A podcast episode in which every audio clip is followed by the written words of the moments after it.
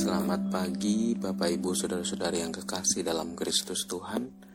Pagi ini biarlah kita semua tetap ada dalam anugerah Tuhan Yang menolong kita, memampukan kita untuk melakukan tugas dan tanggung jawab kita Dan semuanya kembali untuk hormat dan kemuliaan nama Tuhan. Sebelum kita mulai aktivitas kita hari ini Saya mengajak kita semua untuk merenungkan firman Tuhan. Tapi sebelumnya kita berdoa terlebih dahulu. Kami bersyukur untuk penyertaanmu sepanjang malam. Pagi ini kalau kami boleh bangun dengan tidak kurang suatu apa pun, semua karena anugerahmu. Dan biarlah kami boleh mengawali hari ini dengan mendengarkan suaramu. Bicaralah Tuhan, kami siap mendengar. Dalam nama Tuhan Yesus. Amin. Ayub pasal yang ke-42 ayat yang ke-10 Demikian firman Tuhan Lalu Tuhan memulihkan keadaan Ayub Setelah ia berdoa untuk sahabat-sahabatnya Dan Tuhan memberikan kepada Ayub dua kali lipat dari segala kepunyaannya dahulu Kisah Ayub dan dapur kesengsaraannya mungkin menjadi sebuah kisah yang selalu kita dengarkan, baik lewat pembacaan Alkitab maupun khotbah-khotbah.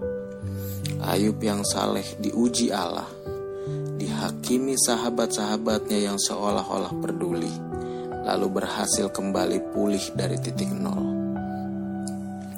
Bagaimana Ayub bisa pulih dari kehilangan harta benda dan keluarga?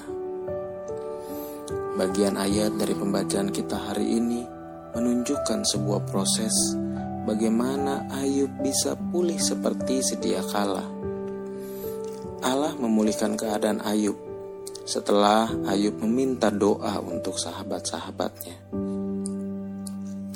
Ayub yang tertimpa kemalangan dihampiri sahabat-sahabatnya yang bukannya memberikan support tapi justru menghakimi Ayub dengan perkataan-perkataan mereka.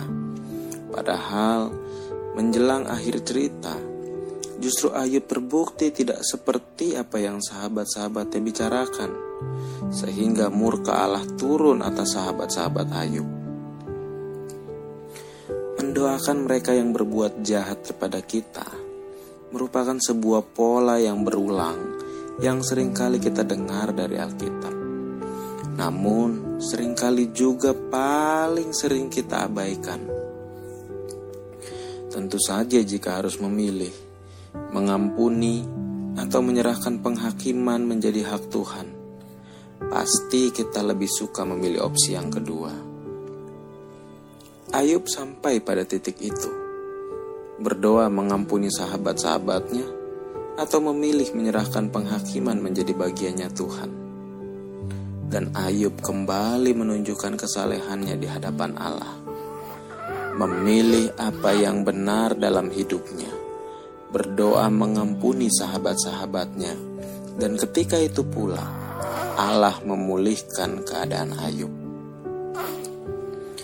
Sadarkah kita, terkadang bagi Allah yang terpenting adalah pulihnya hati kita, bukan keadaan sekeliling kita Allah tidak memulihkan keadaan Ayub sebelum Ayub memulihkan relasi dengan sahabat-sahabatnya.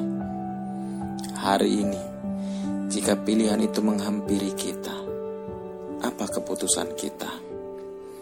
Mengampuni dan mendoakan seperti yang Ayub lakukan pada sahabatnya, atau memilih menyerahkan penghakiman dan penghukuman pada Tuhan? Lawan kata dari mengasihi bukanlah membenci tapi tidak lagi peduli dan berdoa bagi orang lain adalah bukti kita masih mengasihi. Izinkan saya menutup renungan pagi ini dengan sebuah kutipan dari sebuah buku tua. Sedapat-dapatnya, kalau hal itu bergantung padamu, hiduplah dalam perdamaian dengan semua orang. Roma pasal yang ke-12 ayat yang ke-18. Selamat pagi, Selamat berdoa bagi orang lain. Selamat pulih dalam sunyi.